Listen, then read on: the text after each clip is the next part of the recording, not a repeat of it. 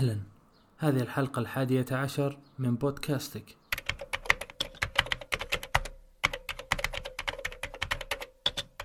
أهلا وسهلا بكم في حلقة جديدة من بودكاستك. أقدمها أنا محمد لكل مولع وهاوي للتقنية بجميع أشكالها. أعتذر عن الغياب في الفترة السابقة بسبب ظروف الخاصة وبإذن الله نعوضكم في القادم من الحلقات بكل تأكيد. في هذه الحلقة من بودكاستك أريد أن أتكلم عن موضوع أعلم أنكم سئمتم ومللتم من الاستماع له وتريدون أن تستمعوا لأي موضوع ما عدا هذا الموضوع. ولكني أعدكم بأنني سأخذكم إلى محور مغاير عن ذلك الموضوع ألا وهو التقنية في زمن جائحة كورونا أو كوفيد 19 ربما لم يشعر البعض منا بأهمية التقنية ومفصليتها في حياتنا المعاصرة إلا بعد انتفاض العالم أجمع بسبب هذا المخلوق المتناهي في الصغر. ويرجع سبب ذلك إلى أن عددا كبيرا من الناس كان ولا زال يستخدم التقنية كأداة تواصل وترفيه أكثر منها كأداة إنتاجية وعمل. سأتكلم في هذه الحلقة عن المحاور التالية وأتمنى أن تكون الحلقة خفيفة وبسيطة لكم. المحور الأول الأثر الذي حققته التقنية في الأزمة والمحور الثاني الأدوات والمواقع الإلكترونية المفيدة أثناء هذه الأزمة. نبدأ بالمحور الأول وهو الأثر الذي حققته التقنية في هذه الأزمة. قسمت هذا المحور إلى ثلاث نقاط أساسية الأثر على الناس والأثر على الشركات أو المؤسسات والأثر على الحكومات. نبدأ بالأثر على الناس. في الحقيقة أصبح كثير من الناس في هذا الكوكب محصورين تحت أسقف منازلهم بسبب توجيه حكومات الكثير من الدول للناس بالجلوس في البيوت لتقليل انتشار هذا الوباء والتقليل من الأضرار البشرية له قدر الإمكان. وبهذا أمس الكثير منهم مضطر للعمل أو الدراسة أو حتى التدريس عن بعد وهو في المنزل وذلك عن طريق الإنترنت بكل تأكيد. سواء كان الإنسان مبرمج أو مصمم أو مسوق أو محاسب أو حتى مدرس وغيرها من الوظائف التي تحولت من وظائف تؤدى على أرض الواقع في المكاتب والمدارس والشركات إلى وظائف يعمل بها عن بعد في ليلة وضحاها. وهذا ما جعل الكثير من الموظفين ينزعج بعد عدة أيام من بدء العمل عن بعد بسبب أنه لم يعتد على نمط العمل هذا حيث بدأت بعض الشركات بإنشاء اجتماعات عن بعد في أوقات مختلفة قد تخرج أحيانا عن أوقات العمل الرسمية مما أدى إلى اضطراب تنظيم وقت الموظف وصعوبة التوفيق بين عمله وبيته وأبنائه. فالأبناء أيضا يلزمهم اهتمام كبير لأن الكثير منهم اليوم أصبح يدرس عن بعد عبر منصات متعددة للتعليم لكل دولة وذلك حتى في دول العالم الثاني والثالث. ننتقل للنقطة الثانية في محورنا وهي الأثر على الشركات. من أكبر ضحايا هذا الوباء إن لم يكن أكبر ضحية على الإطلاق هو الاقتصاد. لا نتحدث هنا عن اقتصاد دولة بعينها بل الاقتصاد العالمي لكل دولة حتى لو كان هناك شركات مستفيدة من هذا الوباء إلا أن حجم هذه الفائدة المادية لكل الشركات التي استفادت لا يعد إلا قطرة في بحر الخسائر الفادحة على مستوى الحكومات والشركات الخاصة. تسريح الموظفين تقليل العمالة إغلاق المطاعم والمتاجر وأسواق المال وإفلاس العديد من الشركات كل هذه الخسائر الكبرى كانت ستكون أكبر لو أننا لا نملك التقنية المتقدمة في التواصل والبحث. فكثير من الشركات حاولت تقليل الخسائر عبر توجيه الموظفين للعمل في منازلهم مما شكل خطوة إيجابية لاستمرار تحريك عجلة العمل والأرباح ولو كانت أقل بكثير. ننتقل للنقطة الثالثة في محورنا وهي الأثر على الحكومات. الحكومات هي الأكثر تضررا والأكثر ملامة دائما، لأنها هي المسؤولة عن البشر في الدولة وتستطيع اتخاذ القرارات دون الرجوع لأي أحد منهم. فالحكومة هي المسؤولة عن محاولة تقليل نسب الإصابة بالفيروس عبر سن قوانين وأنظمة تجبر الناس على عدم الاختلاط وأخذ الاحتياطات اللازمة،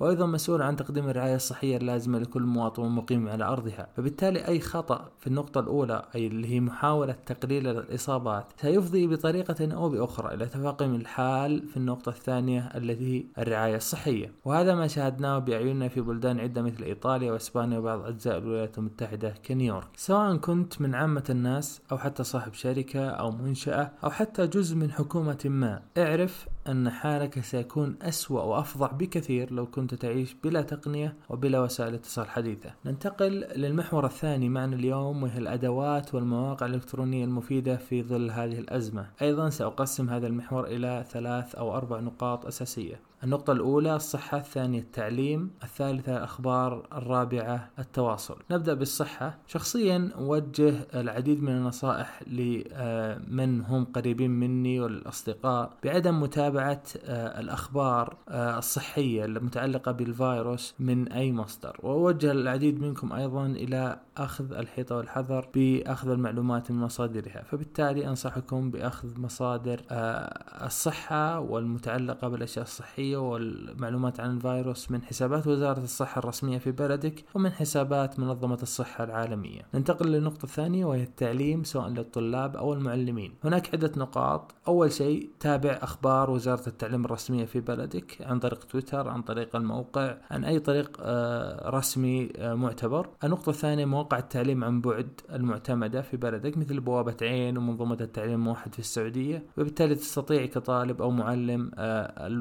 الولوج إلى هذه المنصات وتقديم أو الحصول على الشرح للمناهج. أيضا النقطة الثالثة يوجد موقع وتطبيق باسم Blackboard ممكن يفيد الجامعيين أو حتى تطبيق أو موقع Google Classes هذه المواقع مفيدة للعمل أو أخذ الدروس سواء كان مدرسك يستخدم Blackboard أو جوجل أو Google Classes أو حتى أي موقع أو منصة أخرى. المهم أن تحصل على المعلومة وتحصل على الدرس. النقطة اللي بعدها يمكن أيضا استخدام قنوات أو مجموعات على تليجرام للفصل الواحد فبالتالي المعلم يصنع قناة أو مجموعة على تليجرام ويضم فيها العديد من الطلاب وبالتالي يستطيع أن يحصل آه، على طريقة تواصل مباشرة معهم. آه، أيضا النقطة اللي بعدها للتعلم الذاتي يوجد مواقع أجنبية وعربية كثيرة للحصول على المعلومات والدورات مثل أكاديمية حاسوب Coursera Udemy edX وغيرها من المواقع. لتعلم مهارات جديدة أيضا أنصحكم أنكم تستثمرون منصات مثل Skillshare يوتيوب غيرها من المنصات اللي مليئة مليئة بالفيديوهات لتعلم أي مهارة تريد. ننتقل للنقطة الثانية معنا في محورنا وهي الحصول على الأخبار. للأخبار عن بلدك تابع حسابات وكالة الأنباء الرسمية في بلدك مثل واس في السعودية وكونا في الكويت.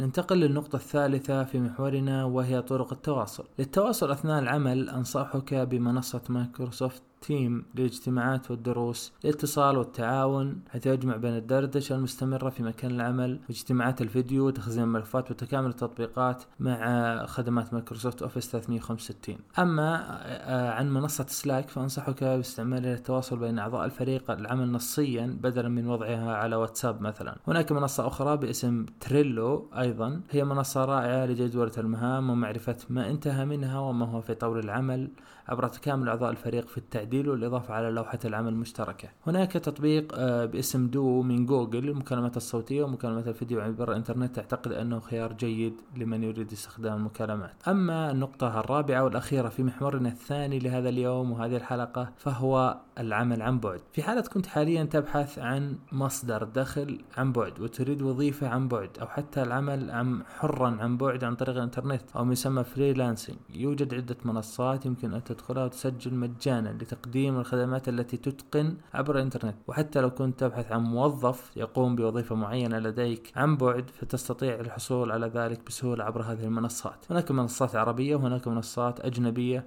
المنصات العربية هناك مستقل هناك خمسات هناك كفيل. المنصات الأجنبية هناك Fiverr Upwork Freelancer PeoplePerHour وغيرها من المنصات. وبكذا نكون انتهينا من حلقاتنا لهذا اليوم. وأتمنى أني لخصت لكم الأشياء المهمة من ناحية تقنية في أثناء بقائنا في المنازل آه، أثناء هذا الوباء. وأتمنى إن شاء الله أن جميع الأمور تحل بأسرع وقت ممكن وبأفضل طريقة ممكنة. وننتقل الآن إلى أخبار التقنية. السلام عليكم. أخبار التقنية لهذا الأسبوع.